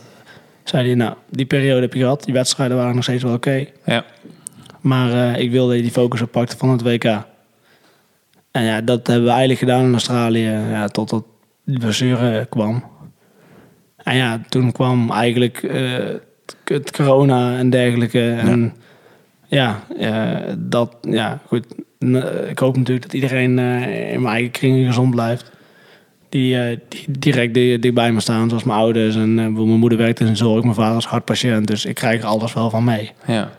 En, eh, maar goed, op sportief gebied eh, kwam dit mij natuurlijk wel goed uit. ja. Het was het goede moment om thuis te zitten. Ja, het was eh, eigenlijk het perfecte moment om geblesseerd te raken als er een perfect moment is. Ja, ja precies. precies. Liever niet, maar als dan toch, ja. Ja, dus dan toch, dan, dan maar nu. Ja. Want nu heb ik de tijd om te herstellen. Want anders had ik ja, dit weekend het WK gereden in Houston. En ja, ik zit nu twee weken op de fiets. Ik heb natuurlijk wel iets rustiger aan gedaan met revalideren. Maar eh, Je hebt er nu ook eens een keer de tijd voor genomen. ja, ik heb er ook de tijd voor genomen. Het is er nog niet heel veel beter van geworden. Maar eh, ja, eh, mentaal gezien was het wel lekker om dan niet te druk om mezelf te forceren. Dat ik amper mijn stuur vast kan houden en dan wel van die heuvel af te gaan. Want zo had het er anders wel uitgezien. En nu kon ik toch met enigszins comfortabel gevoel beginnen om van die heuvel af te fietsen. En eh, ja, als dit weekend het WK was, dan was het allemaal wel heel spannend geworden. Ja. Maar mezelf kennende Had was ook dat- dit wel weer goed gekomen. Ja, precies. Ja, Je handschoenen vastgetaped aan je stuur en dan... eh, Als het moet. Ja, precies. Heel Ja. goed. Mooi. Hoe kom je aan deze instelling? Is er iemand in jouw leven die dit voor je betekend heeft? nou ja, ik wilde eigenlijk gewoon de beste worden. Ja. Ik wilde gewoon de beste BMX'er zijn. En eh, die, die doelstelling had ik al vrij snel. Hoe oud was je toen? Eh, ik, was, ik was ook maar vier toen ik zei ik wil professioneel BMX'er worden in Amerika. Ah, vet. Nou, Amerika heb ik eh, wel heel lang over getwijfeld, maar uiteindelijk niet gedaan. Eh, ja, professioneel BMX is natuurlijk wel gelukt. En eh, ja, een utopie om dan ook wereldkampioen te worden. En Ja. in principe de nationaal, de Europees en de wereldtitel te behalen in je carrière. Ja, dat is allemaal gelukt. Dus, Ja. dus dan heb je wel, ja, er is nu één doel eigenlijk over voor mij. En dat is volgend jaar spelen. Ja, dat, dat, dat zou wat de kerst op de taart zijn. Ja, maar wie dat zo gedaan heeft, nou, ik wilde gewoon heel graag. Eerst was het in mijn eigen regio, toen Ja. was het nationaal. Toen ontdekte ik dat het ook internationaal was. Wist ik veel. Mijn ouders zaten ook niet in de sport. Nee, precies. Ja, ja, ja. Het Nou is wel ja. echt stapje voor stapje gegaan. Echt stapje voor stapje. En toen wist ik... Hoezo keer- fietsen ook in Duitsland? Dat? Ja, is er nog een KNWU. Ik dacht Ja. alleen NFF was. Ja. Ja, en dat zijn twee bonden in Nederland. En eh, ik ben bij de NFF begonnen. En toen hoorde ik ook in één keer dat er in 2004 een WK was in Valkenswaard. Oké, ja. Let's go. Ja, toen moest ik KMU gaan rijden. En eh, toen kwam ik in één keer op banen waar ik ook niet alleen maar moest hoeven te springen. Maar ik moest ook een bult achterwielen. Maar dat kon ik helemaal niet. Oh joh. Ja, ik, ik kon dat helemaal niet. Ik, ik had dat nooit geoefend. Toen was vond ik- je 13 of zo. 14. Toen was ik, 2004? eh, toen was ik 12. Oké. Maar toen ik daar in aanraking kwam was 2003. Dus ja, op mijn 11e moest ik eigenlijk bulten gaan leren achterwielen en dergelijke. Want ja, ik liep toch wel eigenlijk tegen de lamp aan als ik een bult moest gaan achterwielen. Ja. Ja, dat, dat, daar verloor ik dan zoveel snelheid mee dat ik, ja, dat ik ja, van een goede positie naar eh, een van de laatste posities ging. Ja. En ja, mezelf dat aangeleerd en daar beter in geworden. En ja, toen een jaar later word, je, word ik achter op het WK. Want ik kom eigenlijk in de clinch met iemand uit, direct naar het starthek. Nou ja, dan reed je wel weer, weer ja, WK-finale. Ja. Op je eerste WK. Wel bij de amateurs, maar ja, dan heb je wel in één keer zoiets van... Hey, eh, dit is wel haalbaar. Ja. Toen waren er maar zeven sneller. Ja. Ja. ja. Ja, Dat is relatief niet heel veel. Nee. nee. nou ja, het- voor mijn leeftijd toen. Ja. En eh, als je nu jaren later kijkt, van mijn leeftijd, ja, dan heb je in 2017, eh, of 2016 eigenlijk, Conor Fields die Olympisch kampioen wordt. 2017 wordt Corbin Gerra wereldkampioen. 2018 wordt Sylvain André wereldkampioen. En nu ik in 2019 word ik wereldkampioen. Ja, tof. En dat is diezelfde generatie die toen in 2012 of in 2004 als 12-jarig mannetjes ja. tegen elkaar in de finale staan te rijden. Wauw. Dat ja, is, dat is, Dat is wel, wel heel heel cool. gaaf. Ja, de helft van die finale is wereldkampioen geworden. Of Olympisch. Ja, niet zozeer- van die finale, maar Oké. we hebben in 2015, of 2005, 2006, 2007 finales tegen elkaar gereden. ja, ja, ja. En ja, daar hebben jongens ja, allemaal wereldtitels of Olympische titels gehaald. En dat is wel heel gaaf. Ja, cool. Ja. In hoeverre is er eh, tussen jullie ehm, concurrentie? En dus kijk, ik heb, ik heb niet op jouw niveau, maar ik heb natuurlijk heel lang down en mountainbike gedaan, maar daar race, race je eigenlijk tegen de klok. Dus je zit nooit bij een ander in de baan, tenzij je een half minuut sneller of langzamer rijdt dan een ander. Eh, ik hoop dat dat niet gebeurt. Maar jij hebt natuurlijk directe tegenstanders. Ehm, hoe, hoe is je relatie met de andere racers om je heen? Ja, met de meeste is die wel echt goed. Ehm, zelfs met Conor Fields is die goed, ondanks heel veel mensen zeggen dat ik hem eh weerhouden heb van een Olympische medaille in 2012. Ik zeg dat het andersom was, maar eh, Als hij er niet was geweest, nee. ik was beter weg, hij Ja. was sneller. Had hij maar beter weg moeten zijn. Ja, Ja. dat is, Ah, dat is, ja. dat is zeg maar eh, het punt. We stonden ja, als broekjes eigenlijk in de Olympische finale. En we stonden op startplek 1 en 2. Dat is zeg maar de droom. Ja, 1 is de beste plek en tweede, twee, ja, dat is de ene snelste tijd om, om in de finale te komen. Ja. Ja. is dat de, bin- de binnenkant van de ja, eerste dat bocht? is de binnenkant van de eerste bocht. En wij stonden als... Ja, hij was nog 19, ik was net een maand 20. Wij stonden daar. Bizar. Oké, ja, en nu? Ja. Weet je wel, ja, we zijn hier. Eh, ja, dit had ik niet voor ogen. Eh, hoe ga ik dit aanpakken? Ja, dan kijk je naar rechts van je. Ja, staat daar gewoon de, de Olympisch kampioen van 2008, de wereldkampioen van dat huidige jaar, staat naast je. En ja, ja. Ik, eh, ik had eigenlijk al een droom verwezenlijkt op dat moment, want ik sta Ja, er. je stond er, ja. Ja. Ik stond, ik keek naast me. En ik, ja, die jongens heb ik jarenlang tegenop gekeken. En ik sta er in één keer naast. Op het belangrijkste moment. Cool. Ja, en ik sta er nog binnen zo ook. Ja, Ja. lijp. Ja. Dus, dus dat was wel heel bijzonder eigenlijk. En eh, ja, goed, toen zaten Connor en ik zaten elkaar gruwelijk in de weg op het eerste stuk. Waardoor we uiteindelijk eh, als eh, ja, vijf, zes de eerste bocht ingaan. Terwijl we ook als 1-2 de eerste bocht in hadden kunnen gaan. Ja. Dat is wel een verschilletje. Ja. Hadden jullie even een afspraak moeten maken, bij van spreken? ja, maar dat is natuurlijk lastig. Je gunt het jezelf altijd meer. Ja, dat snap ik. Maar ik bedoel, ja, ik weet het niet. Hè? Ja, je moet zo zien, in de halve finale daarvoor eh, win ik van de Olympisch kampioen van 2008. En die jongens die erachter zitten, ja, uiteindelijk worden die 1, 2 en 3 in de finale. Oh shit. En het rondje ervoor werden die 2, 3 en 4 achter mij. Dus ja, je was heel dichtbij. Alleen alles moest wel op zijn plek vallen. Ja, je hebt pas gewonnen als je gewonnen hebt natuurlijk. Ja, What if bestaat niet. Nee, nee. Dus, dus ik kijk heel graag de hal- laatste halve finale terug van Londen. en de finale, ja, die heb ik echt twee keer teruggekeken. Ja. Want ja, ik, kwam- ik kwam toch amper in beeld. ja. ja, Ja, ja, ja. maar heb dat je is daar ook gewoon- geleerd van dat moment? Eh, ja, daar heb ik zeker wel iets van geleerd. Maar toen de tijd niet onthouden. Oh ja. Ik heb er wel iets van geleerd, maar 2013, 2014, 2015 maakte ik dezelfde fouten. 2012 zelf heb ik heel goed afgesloten. Want alle wedstrijden daarna die won ik. Wereldbekers, eh, Red Bull Revolution, eh, de meest gekke dingen, Ja. internationale wedstrijden. Ik ging in één keer internationale wedstrijden winnen. Op het hoogste niveau. En toen ging het... Toen had ik eigenlijk een, een doorstap moeten maken... eh, naar een mentale coach die me daarin ging begeleiden. Maar ook op de wedstrijden. En die, die stap heb ik toen nooit gemaakt. Wa- waarom die mentale coach? Waar had je, wat had je nodig? Fysiek had? was ik goed genoeg. Ja, maar mentaal zoals Martijn dat nu is? Of op een andere manier? Of, Ja, mentaal zoals Martijn dat nu is. Ja. Echt iemand die mij persoonlijk zegt van... Hey, kop erbij. Zo en zo gaan we het doen. Pak je rust en gaan we aan de zadek staan. Dat had ik nodig.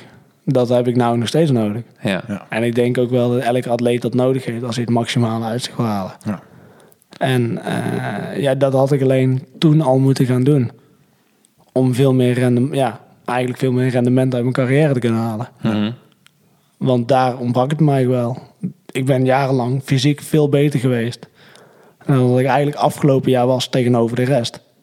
ja. De rest is ook steeds beter geworden. Maar ik was op, op een hele jonge leeftijd al echt wel heel sterk. En in mijn sprinttijden echt wel heel goed. Alleen nooit maximaal benut, eigenlijk. Dat Nee, ik precies, gewoon, omdat het er niet uit kan. ja, omdat het juiste moment 110% wilde geven. Of ik wilde iets zo graag. Dus ja. ik heb heel veel finales gereden, maar heel weinig gewonnen. Ja. Dit is inderdaad wat, wat wij... Toen ik die interviews deed met Martijn en met Bas voor de docu... toen zeiden zij inderdaad van... Hij wil... Of, of hij blijft op 98 of hij gaat naar 105 of 103 of inderdaad net eroverheen en dan wordt, ga je hele kleine foutjes maken, maar die zijn al groot genoeg om je, Ja. om je de winst te kosten. Ja, Ehm, ja. Wel, wel vet om je dit nu te realiseren. Ook al heeft, was het, ik zou niet zeggen te laat, je bent fucking wereldkampioen. Ja, je had het Maar- eerder willen weten. Ja. Ja, nee, het is zeker. niet Maar te goed. laat geweest. Nee. Maar ja, dat was, was leuk geweest als het misschien eerder was gebeurd. Maar goed, misschien was je het dan nooit geworden. Nee, weet je. Het is Maar- geen, geen garantie dat je dan ook het hoogst haalbare haalt. Maar als ik terugkijk, had ik dat wel eerder moeten gaan doen. Ja. Jij- ja, het was beter voor je geweest als je eerder die stap had gezet, los van het resultaat. Ja, Ja.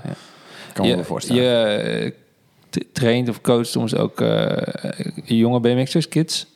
Ehm, vanuit eh, wat ik toen een beetje meegekregen. Eh, geef je dat soort dingen ook aan hen mee? Eh, ja, in hoeverre kun je het iemand- aan, iemand meegeven die 14 is? Ja. Dat is natuurlijk de vraag. Eh, een jongetje, dus twee druppels water. eh, hoe, ik, hoe ik ben eigenlijk. Dus die luistert ook niet. Nee, luistert ook niet. Eh, kan heel goed fietsen, technisch nog veel beter dan ik was. Ehm start goed, alles doet hij goed. En zodra hij in de wedstrijden eh, komt, is, hij- raakt hij, wordt hij onzeker. Gaat hij dingen doen die hij helemaal... Als hij gewoon zijn ding blijft doen, dan wint hij hem. En dan maakt hij fouten. En dan wordt hij uiteindelijk is hij blij met een derde plek. Ja, terwijl hij eigenlijk helemaal niet blij heeft tot een derde plek. Want hij had hem makkelijk kunnen winnen. Ja. En die, doet die, die, die valkuil stap je keer op keer opnieuw in. En, en dat is wel heel mooi om te zien. En daar heb ik dan een uitdaging aan om dat dan weer eigenlijk... Van hoe kan ik hem dat bijbrengen dat hij op veel jongere leeftijd of veel verder is dan ik. Vind je dat leuk om te doen? Ja, vind ik wel mooi om te doen. Ja.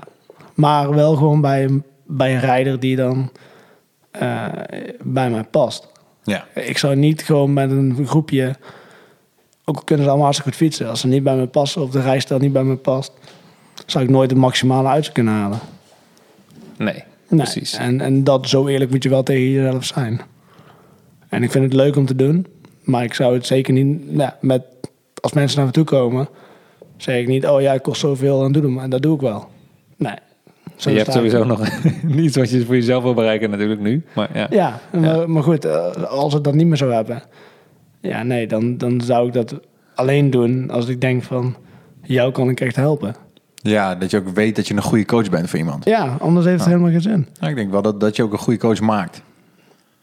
Mocht dat moment er ooit komen. Weet je, dat je besluit om het samen met iemand te kunnen doen. Vanuit je eigen ervaring. Ja, ik, ik zou nooit fulltime coach willen worden. Dat niet. Want eh, ik weet hoeveel ik ervoor moet opgeven. Wat je allemaal niet moet vergeten. Ja, wat je allemaal niet moet vergeten natuurlijk. En eh, ook dat. maar ook gewoon, eh, ik heb dit jarenlang gedaan voor mezelf. Mhm. En voor mijn eigen doelen. En om het voor dan eh, een ander zijn doelen te doen... ben ik dan misschien te egoïstisch voor. Dan Nou, is ga een ik goed ver- recht ook, dan- denk dan- ik, toch? Dan ga ik verder met, met andere dingen die ik dan zelf weer leuk vind. Ja. Maar dat neemt niet weg dat je daarnaast iemand kunt helpen. Ja. Ja. En daarom zeg ik, ik zou het niet fulltime willen doen. En als ik dan iemand wil helpen, dan ga ik er ook wel voor. Mhm. Maar dat moet niet echt ten koste gaan van mijn eigen leven. Nee. Zeg maar. En daarom zeg ik van, ik wil geen fulltime coach worden. Maar als ik mensen iets bij kan brengen en die, ja, die kunnen echt stappen zetten daardoor. Ja. Ja, vind ik dat wel prachtig om te doen. Ja, cool. En dat dan- kan in van allerlei dingen Ja. zijn. ja. Dan is daar een hele mooie toevoeging in je leven. Behalve dat het, eh, in plaats van dat het eh Ja, ik- denk iets dat- anders kost, zeg maar. Ja. Ja, ik denk dat, dat, dat, eh, dat ik er zelf ook heel veel voldoening uit haal. Ja. Ja. En dat is uiteindelijk, vind ik wel heel belangrijk, dat je dingen doet waar je heel veel voldoening uit haalt. Of in ieder geval wat, die die jou gelukkig maken. Ja. En dat hoeft niet altijd in de vorm van, ja, van geld te zijn of zo. Nee, je Nou kan ja, ook gewoon gelukkig zijn met wat je Ja. geeft natuurlijk. Ja. Ik kan veel gelukkiger zijn als ik iemand nou eh, een stap opzetten van, nou, die durft eindelijk nu een bult te springen, die, die Ja. jarenlang niet durfde of zo. Ja, daar hoef je dan geen die kan, eind- nee, die, Kan, die kan eindelijk nu verzoenlijk starten. Die eh, begint ergens op te lijken. Ja, cool. Nou ja, Ja. Weet je wel. Dat, Ben je wel een beetje trots? ja, dan ben ik wel een beetje trots. ja, maar dat moet denk ik ook. Toch? Want je hebt dit Ja. geleerd, je hebt er zelf doorheen gegaan. En als je dan iemand verder kan helpen. Ja, mooi. precies. En als je dan ook nog in de wedstrijd een beetje dingen laat zien... Hmm. die je ook in de training laat zien... en dan denk je van... nee, ik ga nu ook de stappen zetten die hij dus in de training doet... neemt hij mee in de wedstrijd. Ja. En ja, sommige wedstrijden in Nederland... rij je dan dezelfde wedstrijd als die jongens. En dan zorg ik ook altijd wel dat ik die, die rondjes kijk. Nou ja. Want de wedstrijden in Nederland... ja, die rij je toch meer als verplicht nummertje mee. Ja. Ja, behalve het NK, want die wil je ook winnen. Want het blijft een titel. Is Ja. ook. Ja. Terwijl het net zo moeilijk is eigenlijk om nationaal kampioen te worden als bijna wereldkampioen bij ons tegenwoordig. Ja, we hadden de top in Nederland. Het podium op de EK was precies hetzelfde als op het NK, toch? Of Ja, was het... het podium op het NK Ja. was het, eh, eh, ja, exact Ja. hetzelfde als op het EK. Drie en, op Nederlanders. het, en op het WK eh, zijn nummer 1 en 2 omgedraaid. Ah, cool. Bizar. Ja, dat was wel heel bizar. Want er zijn best een hoop goede Ja, Engelsen en een hoop goede Fransen. Fransen, Amerikanen, eh jongen uit Ecuador rijden nu echt de sterren van de hemel. Ja, de, de- de Australiërs rijden hard. Ja, er zijn echt Het niveau echt is wel een hoog. top, top Ja. 15, zeg maar, die echt, echt, hard, rijden, echt hard fietst. Dus als je al de WK-finale rijdt, dat je bij de laatste acht bent gekomen, ja, dan is het echt al echt heel goed. Ja. En eh, ja, dat je dan eigenlijk het EK eigenlijk domineert met z'n tweeën en dan het WK eigenlijk ook weer de dienst uitmaakt. Ja, dat is wel bizar. Ontstaat er dan tussen jullie ook een soort van broederschap of zo? Ja, de- we hebben na een wedstrijdje in China gehad. En eh, we moesten toen acht uur in de bus. eh, ja, en een paar uur wachten nog. Want s'nachts mag je daar niet rijden, schijnbaar. Ook heel toen hebben we wel even een rondje gelopen. En eh, ja, natuurlijk krijg je, krijg je daar wel een band met iemand. Ja. Uh, hij is in 2015 toen wereldkampioen geworden, Nick. En eh, ja, nou, nou zijn eigenlijk de rollen omgedraaid. Ik werd toen Nederlands Europees kampioen. Mhm. En hij werd wereldkampioen in België, Zolder. Wat? Het is letterlijk alles hetzelfde ja. eigenlijk. Het EK was een Erp, die ik toen won. En dat was nou het NK, daar won hij. Ja. Eh, het, week, het EK was, de, was, was nu in Letland dan. Nou goed, toen lag ik één, haalde die me in, word ik tweede. Eh, die wilde die heel graag winnen, want die had hij nog niet. Ja, tof. Dus maak ik voor de grap nog een grapje van, nou, als ik hem dan volgende, als ik hem dan maar over twee weken win, dan lag hij als een boer met de kiespijn, maar vervolgens staan we naast elkaar op het podium. ja, dus, eh, Dus ja, die, als je dan daarna met hem over hebt, dan, dan ja, creëert wel een band. Ja. Ja, en, en wederzijds respect. Vooral dat. Ja, hij weet ook wat er voor nodig is om het te doen. Ja, je, je hebt zelf die, allebei die routes doorlopen natuurlijk. Dat keihard werken. En, Allebei eh, op een andere manier. Want hij was eerste jaar elite toen Ja. hij wereldkampioen werd. Ja. Maar goed, daarna is hij jarenlang misschien wel de favoriet geweest. Maar niet geworden. Nee.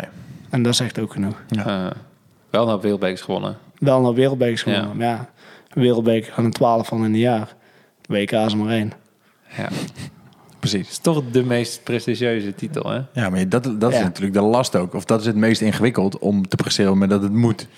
Ja, het Ja. maakt ook fietsen, vind ik. Want volgens mij is fietsen een van de weinige sporten waar dit zo is. Heel veel, bijvoorbeeld, als je bijvoorbeeld kijkt naar bijvoorbeeld Formule 1 of Mhm. eh, voetbal en dat soort. de- de- je moet een hele hoop wedstrijden doen.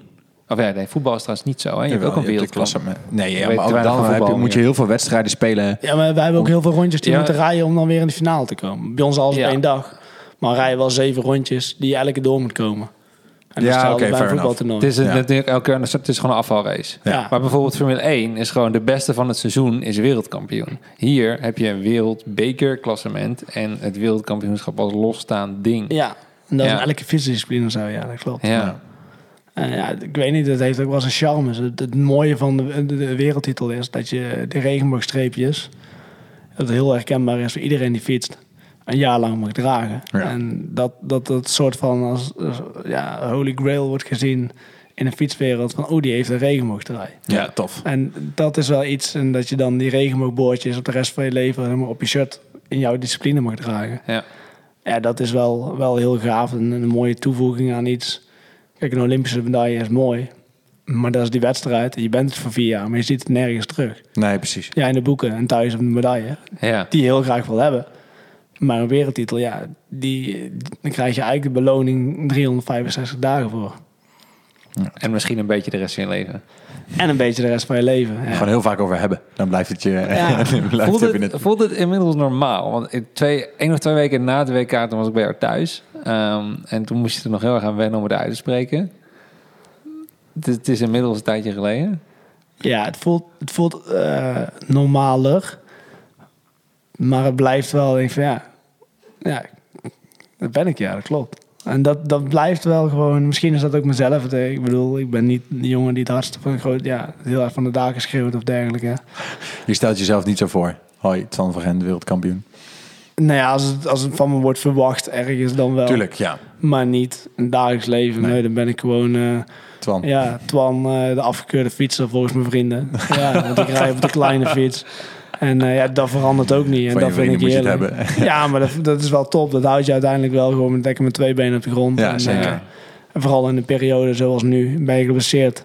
Ja, en dan ben je ook niet in één keer minder waard voor, die, voor hun. Weet je wel, je bent nog steeds dezelfde gast. Ja. Omdat je toen ook gewoon dezelfde gast bleef. Ja, beter. En eh, ja, dat, ik vind het wel leuk dat ze dan lekker, ondanks ze weten, en dan af en toe wordt het wel gezegd, ach man, doe het niet zo, je bent wereldkampioen. Ja, natuurlijk, dat is zo. En ze waren met z'n allen bij. En dan eh, komt het nog regelmatig naar voren dat het toch wel de mooiste dag voor hun was in 2019. Ja, en dat, Ja, cool. dat- die kan je toch wel in je zak steken. Ja. Ja.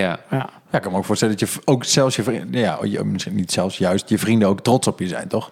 Te zien hoe hard je ervoor werkt en als je hem dan pakt. Ja, Tuurlijk. En dan moet Cool. je natuurlijk ook zeggen dat ik zelf bijna mijn plaat ging op het tweede stuk. Ja. tuurlijk, want daar zijn het je vrienden voor. Daar zijn mijn vrienden voor om dan toch nog eventjes er iets achteraan te gooien. Ja. Maar eh, ja, dat, dat, dat, dat is wel... Je was eh, sneller geweest op een normale fiets. Ja. ja, ja, bijvoorbeeld. En, eh, ja, maar die dingen zijn wel, zijn wel enorm, eh, enorm gaaf. En Ja. ja. ja, die, ja, die maken het uiteindelijk wel... Maar, ja, maar, uiteindelijk al die jaren training, die komen dan in zo'n moment naar voren. En eh, ja, dit is wel waar ik het allemaal voor gedaan heb. Ja, tof. Ja. ja. En ja, het zou mooi zijn om volgend jaar weer kunnen doen. Ja, Hey, Zeker. Als je die eh, Olympische Spelen, want dat, ja, dat doen we volgend jaar. ja. Stel je voor, je pakt goud. En dan? Ja. En dan, ja, eh, ik, heb, ik heb eigenlijk voor mezelf al min of meer een, eh, ja, een doel gesteld. En ik vind het heel leuk om dingen te kunnen doen eigenlijk die mensen zeggen dat die niet kunnen. Ja, en, en, en dan heb ik zoiets van, nou, dan gaan we zien of dat niet kan. Ja. En ehm, dit heeft eigenlijk nog niemand gezegd dat het niet kan. Maar het gaat wel heel lastig worden. Ze gaan het echt wel zeggen. Ze gaan het echt wel zeggen, ja. En eh, ja, ik wil eigenlijk gewoon kijken of ik eh, ja, in, in twee jaar tijd, Ja. mezelf twee jaar de tijd geven om mezelf eh, ja, van wereldtop BMX naar eh, ja, de, het wereldtop binnen de cross-country wereld eh, kan gaan halen. Cross-country mountainbiken. Ja. Cross-country mountainbiken, ja. Vet. Het wordt wel steeds korter en technischer. Aha. Vandaar dat ik de- denk van ja, het zou misschien haalbaar moeten zijn Aha. met de instelling die ik heb. Die sprint naar boven, die win je wel, denk ik. De sprint naar boven ben ik wel voor één rondje. Daarna is het dus niet klaar. En, en, en, veel na- rondjes. en net na de start ook. ja. Ja, nou ja, goed. Het, in principe het zijn, het zijn er geen rondjes. En eh, eh, ja, het is gewoon één keer eh, ja, eh, 50 minuten, een uur lang volle gas. Eh, ja, vermogen rijden en, en, en, en geen fouten maken. eh, je kop erbij houden. En ja, er komen zoveel meer dingen bij kijken wat een uitdaging is. Eh, Ja. ik, ik betrap mezelf de laatste tijd op dat ik het mountainbiken gewoon echt wel heel leuk vind. Mhm. Is Ja, het ook. vooral vooral eh, eh, ja, rondje in Amerongen hier in Nederland en dergelijke. Ja, die dingen zijn vooral... eh, Ja. ja, dan heb je Harry. Slinger. Ja, dan leef ik mezelf echt wel lekker uit. Ja. En eh, ik ga steeds meer, de, de, de charme van een duursport inzien. Ja. Wat ik mezelf vijf jaar geleden nooit had horen zeggen. Ik vind het best wel interessant dat volgens mij doen best veel mensen dit. Zeg maar, heel veel atleten die gaan op een gegeven moment over. Je ziet bijvoorbeeld heel, heel veel ex-downhillers die nu enduro doen. Waarbij je dus ook een hele dag op de fiets zit in plaats van een paar minuten. Oh ja. Eh, en het is ook deels wel omdat er gewoon veel meer geld in zit. Het, is, het wordt veel beter eh, eh, vermarkt en eh, voor, weggezet. En, en daardoor zitten gewoon, ja, kunnen meer mensen ervan leven als atleet. Maar ik heb ook wel eens gehoord eh, dat je ehm, op de piek van je, van je duurconditie zit je pas als je voorbij je dertigste. Ja, En, en je, je, je krachtpiek zit rond je 25ste of, of 28ste of iets dergelijks. Dus dat is best wel een soort van. Is het, ga je dit doen omdat het het lichamelijk wakker, Ja. weer makkelijker wordt? Of omdat je het andere, de andere doelen bereikt hebt en nu een nieuwe uitdaging zoekt? Of, in jouw geval is het dat laatste, denk ik. Maar in mijn geval is het het laatste. En eh, de risico's van de sport. Je wordt je steeds bewuster van het risico wat je loopt. En Ja. ik, je gaat je afvragen, vind ik het nog waard? Ehm, Hoe vaak ga ik mijn hand nog breken voordat ik die fiets in de schuur zet? Ja, en dat wil niet zeggen dat je het met, eh met, met, met, eh, mountainbiken niet, eh, niet krijgt. Maar eh, afkloppen. ja, ik bedoel, eh, ja, dat is, ook gedaan.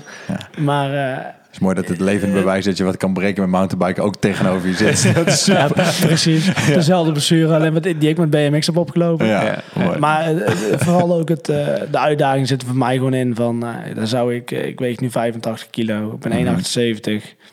Ik zou naar de 2,73 kilo moeten gaan.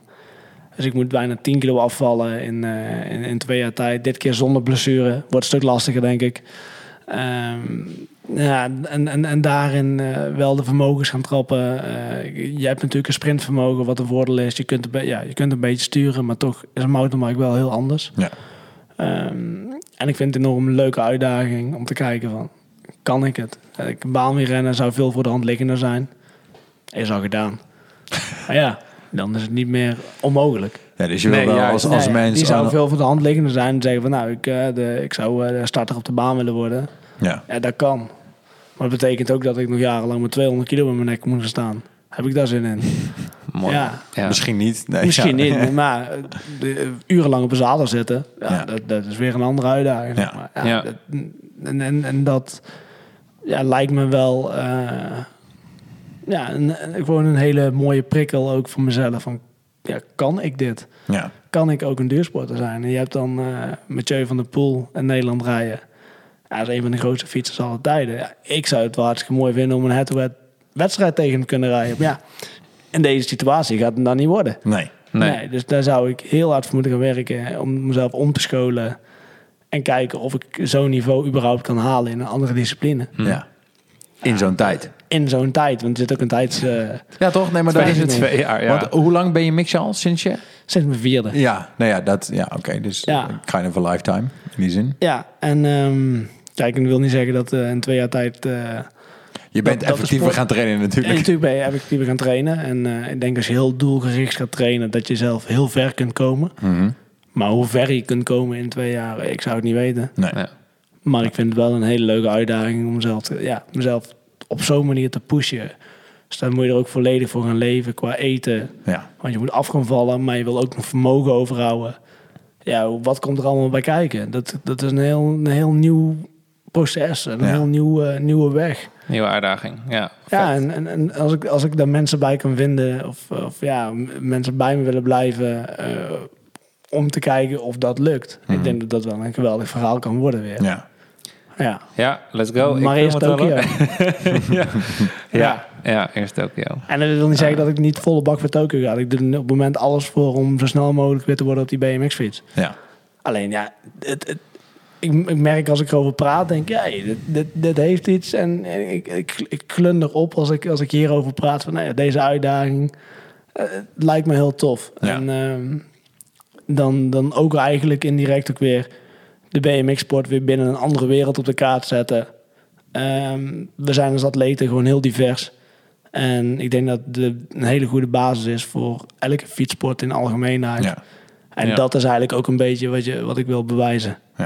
Dat is 100% waar. Ik weet altijd met downhill, je zag de, de mensen waarvan je wist dat ze vroeger BMX hadden gedaan, die waren gewoon bepaalde stukken van de baan zoveel sneller en zo, met zoveel meer gemak dan mensen zoals ik, die alleen maar in Nederland cross-country hadden gedaan en alles mo- moesten leren toen ze 16 waren, weet je wel. Eh, dat is gewoon echt, die basis is zo belangrijk. Ja, Ja, en, en ik denk dat, daar, dat ik daarom ook heel graag dit wil bewijzen voor mezelf. Maar ook naar anderen toe van... Kijk eens jongens, dit is de basis van het fietsen. Als klein kind begin je met een paar sprongetjes. Je een sprintje trekken tegen je vrienden.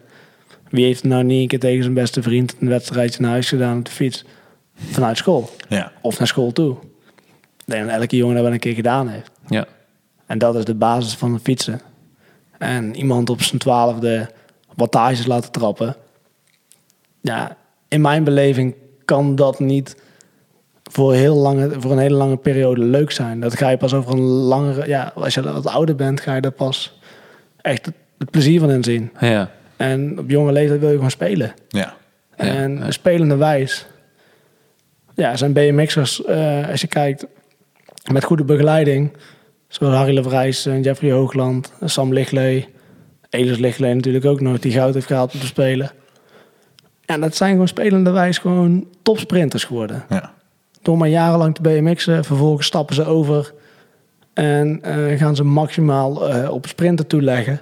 En in drie jaar tijd reizen iedereen wereldwijd naar huis. ja. Ah, tof. Ja, hoeveel bewijs wil je nog hebben? Ja. ja. Hey, En dit, dit is dus wat je dan in zo'n sport kan leren van het BMX'en. Zijn er ook disciplines binnen de sport waar je voor het BMX'en heel veel uitgehaald hebt? Oeh, dat is een lastige. Ik, eh, ik heb natuurlijk alleen maar gebmx'd. Aha. En eh, kijk, uit het wielrennen heb ik gehaald dat ik eh, mijn herstelvermogen verbeterd heb. Ja, oké. Ja. Dus zoiets. Ehm, vervolgens eh, ga je met mountainbiken leer ook wat lossere ondergronden. Aha. Dus ja, dan heb je een zandbocht. Ja.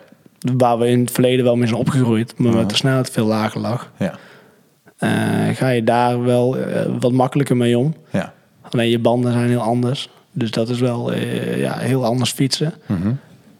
Maar ik denk dat ik vooral eh, vanuit het wielrennen mijn, mijn basisduurvermogen eh, eh, ja, een stuk beter heb gemaakt. Waardoor je uiteindelijk zeven rondjes op een, eh in vier uur tijd veel beter kunt, kunt volhouden. Omdat je veel beter herstelt tussendoor. Ja. Oké, gaaf. Ja. En zijn er dan ook dingen in... eh, kijk, want eh, ik had het vanmiddag had ik het met Lars even over jou. Ik, eh, Als je ik roddelen. Ja, ja, nee, jawel, jawel. Maar ik ga nu ook met je delen, dus dat scheelt. Het is maar half achter je rug om. maar dan met filter. Nee, ehm, ehm, wat ik zie aan jou is dat jij je, sport niet als... Eh, niet echt als sporter beleeft, maar als een soort van ondernemer. Ik zie echt jou gewoon een traject inzetten met een doel. En gewoon daar, ja, daar gewoon keihard voor werken. En dat helemaal in te richten op een manier die, die, die jij interessant vindt. En die voor jou werkt. Terwijl een sporter over het algemeen gewoon... eh, ja, hoe zeg je dat? Ja, weet ik niet of je. Of, ik, ik denk dat. Ik denk dat het. Betekent het dat, dat, dat je dan niet een standaard sporter bent? Ik denk dat ook wel dat veel, veel professionele sporters het zo aanpakken. Nou ja, laten we het zo zeggen dat je een aantal hele ondernemende kwaliteiten hebt. Weet je, als jij durft te zeggen... hey, ik ga echt keihard voor mijn eigen eh, individualistische programma... en ik ga dit inrichten zoals ik wil... met de mensen die ik daarvoor nodig heb en dat werkt... ja, dat maak je ook... Als, als je nu een zaak zou openen, zou je dat ook krachtig maken. Heb je dit uit andere... Zijn er andere beroepsgroepen waar jij, waar jij kennis uit haalt, waar je, waar je naar kijkt en waar je wat van leert? Eh, een van mijn... eh dit is eigenlijk begonnen als eh, ja, iemand die mij hielp op de achtergrond. En die had een transportbedrijf. En ja, die zei, van, ik, ik wil jou wat- sponsoren met een brandstofpas. Oh, cool. Maar uiteindelijk is dat een van mijn beste vrienden geworden ook. En eh, gaaf. ja, daarmee praat ik heel veel. En dat is een ondernemer. Die Ja. heeft eh 50 vrachtwagens rondrijden in Nederland. En eh, ja, die moet ook... eh, kijk, de transportsector is ook niet de meest makkelijke sector. Het Nee. is ook een uitdagende sector. En hij zat ook voor uitdagingen af en toe eh, die ook niet makkelijk zijn. Dan Nee. is in één keer... eh, ja, de brug bij, bij Gorkum dicht en eh, daar zit hij naast met zijn bedrijf. Dan moet hij in één keer elke dag omrijden en kost hem heel veel geld. Ja. Maar ja, uiteindelijk moet je daar ook weer een oplossing voor verzinnen. Ja. En zulke dingen ehm, vind ik heel mooi om te horen. Die verhalen vind ik ook prachtig. En daar haal ik inspiratie uit. Juist. En misschien dat daarom mijn manier van ehm, benadering eh, van mijn sport... uiteindelijk eh, op die manier de uitdaging zoeken in dingen. Ja. En de mensen om me heen zoeken. Waar je uiteindelijk een ja, succes mee kunt behalen. En of dat nou in het bedrijf is of in eh, de sportwereld. Uiteindelijk is dat de kwaliteit van elke succesvolle ondernemer. Ja. En ik denk ook sporter. Ja. Want uiteindelijk zoekt iedereen zijn eigen trainer. Ja. En de beste manier van samenwerken om het maximale ergens uit te halen. En of dat nou is om een BMX-wedstrijd wedstrijd te winnen. Mhm. Of eh, de marathon van Tokio eh, of eh, de marathon van New York te winnen. Ja. Of ja, een succesvol bedrijf neer te zetten. Uiteindelijk is er een team voor nodig. Ja. En ja, als ZZP'er kun je heel veel. Ja. Maar nooit zoveel als een bedrijf. Nee, ja, 100 punten. Nee, en zeker niet zonder team. Nee, je- dus, dus, dus je zult altijd direct Zeker. ja, de mensen die je om je heen zoekt, ja, die dan eigenlijk perfect aansluiten bij jouw manier van denken of Ja. jouw visie. Ja, of jou bijsturen in jouw visie kan Ja. ook. Hè? Want iemand kan ook gewoon zeggen: hey, Vergent, wat ben je aan het doen? en dan krijg ik ook vaak zat op mijn bordje Ja. natuurlijk. En ja, uiteindelijk zijn dat de momenten die maken het uiteindelijk een succesverhaal of niet. ja. Ja. Laat, je, laat jij je ook wel eens sturen of niet? Ja, ik laat me zeker wel eens sturen. Het is, eh, het is echt niet dat ik alles... eh, ik ga het wiel niet zelf uitvinden als het al uitgevonden is. Ja. Ik ben wel bezig met iets anders uitvinden. Ja, maar ja. Dat, dat komt komende maand hopelijk eindelijk een keer tot testen. Oké, cool. Heel goed. Ja, ja. Dus eh, Wil dat je zijn een tipje wel... van de sluier doen? Of ben je nog even Ik denk dat dit, dit komt vanzelf. We gaan het zien. Dit dit komt vanzelf, maar het komt er eigenlijk op neer bij ons. eh, in onze sport is natuurlijk van eh, nul naar zo snel mogelijk op gang brengen. Ja. Ja, de versnellingen op- met ons niveau eh, en met onze wattages... Ja. wordt gewoon heel lastig dat je geen kettingen breekt, et cetera. En het risico dat, je, ja, dat die breekt is gewoon te groot eigenlijk om, om dat te gaan doen op een wedstrijd. Op het moment dat je eigenlijk wil schakelen. Ja.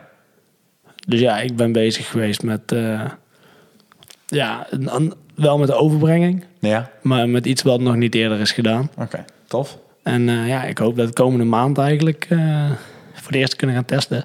Tof man. En ik hoop dit keer heel te blijven. Ja, ik wilde dit net vragen. Ben jij wel degene die het moet gaan testen? Ik ga rustig aan beginnen Ja. en dan vervolgens... geloof ik niet, maar de, snel, ja, de snelheid waarschijnlijk heel snel opvoeren. Ja. Tof. Ja. Vorig jaar is dit eh, al eh, even, even gedaan op straat. Dus eh, ja, ik heb vorig jaar, Ja. dit, eh, Lars heeft hier een tipje van de sluier gewoon gezien. Maar nu is hij aan twee kanten af. Ah, tof. En, eh, en nou kan ik eh, ja, daadwerkelijk gaan testen. Het is alleen drie kilo. Eh, dat wil zeggen dat het nog twee kilo te zwaar is. Ja, ja, precies. Omdat het anders niet op een fiets kan. Eh, Of handig is. Ja. Het moet stevig genoeg zijn. Ja. En dat is een beetje het ding. We, we gooien ongeveer 200 tot 250 kilo op een crank. ja. Ja. En als je daar iets in gaat veranderen tijdens het fietsen, dan krijg je, kom je in één keer met radiaalkrachten en, eh, en andere dingen eh, kom je in aanraking. Ja. Ik BMX. Ja. Dus eh, daar heb ik mensen voor ingeschakeld die dat, eh, die dat wel kunnen. Heel goed. Om zo mezelf maar een keer heel te houden. Ja, nee, Ja. verstandig. Verstandig. Beter. dus, eh, nou, Dus, ehm, eh, dus ja, dit is zulke dingen. Ik ben altijd op zoek naar, eh, kan ik zelf verbeteren of kan ik de spullen verbeteren? En ja, dat is eigenlijk Ja. het optimale. Daar ben je naar op zoek. Ja, want ik, ik merk aan jou zo door het gesprek heen ook wel een beetje een kan niet bestaat niet mentaliteit. Weet je, als iemand zegt dit kan niet, is oké, maar dan gaan wij wel even uitvinden hoe. Ja, waarom niet? Nee, dat We kunnen zoveel ja. tegenwoordig. Ja, Waarom ga je ergens limieten opleggen als je denkt van nou, als nog niet geprobeerd is, dan precies. kunnen we het eerst proberen voordat we zeggen dat het niet kan. Ja. En Net dat als is je ook fiets wel, geen rem. Toch? Ja, dat, dat is ook een valkuil natuurlijk, want eh, ja, dan ga je jezelf heel veel dingen aanpakken. Eh, wat weer de kosten gaat van je rust, waar we het al over Mhm. Ja. gehad hebben. Dus dat is ja, de middenweg zoeken. En ja, deze periode biedt weer kansen, want ik heb het gewoon stilgelegd. Ik Ja. wilde gewoon, eh, ik heb gezien dat ik het ook zonder ook wel haalde. Ja. Mooi. Nee, nee, nee. Maar eh, ja, dit, ik denk dat dit het, het fietsen nog iets, meer, iets efficiënter kan maken. Ja. Ja. Tof. Ehm, ik denk mooi mee afsluiten. We zijn nog bijna anderhalf uur bezig. Dus. Toch een beetje open einde, hè? Leuk. hè? Ja, dit is... Pam, pam, pam. ja. Ja. Thanks, Twan. Wordt vervolgd. Ja. Thanks, leuk dat je er was. Ja, Ja, bedankt voor tijd. Bedankt voor het luisteren naar de Bewonderaars podcast. Heb je vragen, opmerkingen of wil je graag met een van ons samenwerken? Zoek ons op op Lars Veenstra of op Mats Hoogronink. Check ons op Insta, LinkedIn of op Facebook.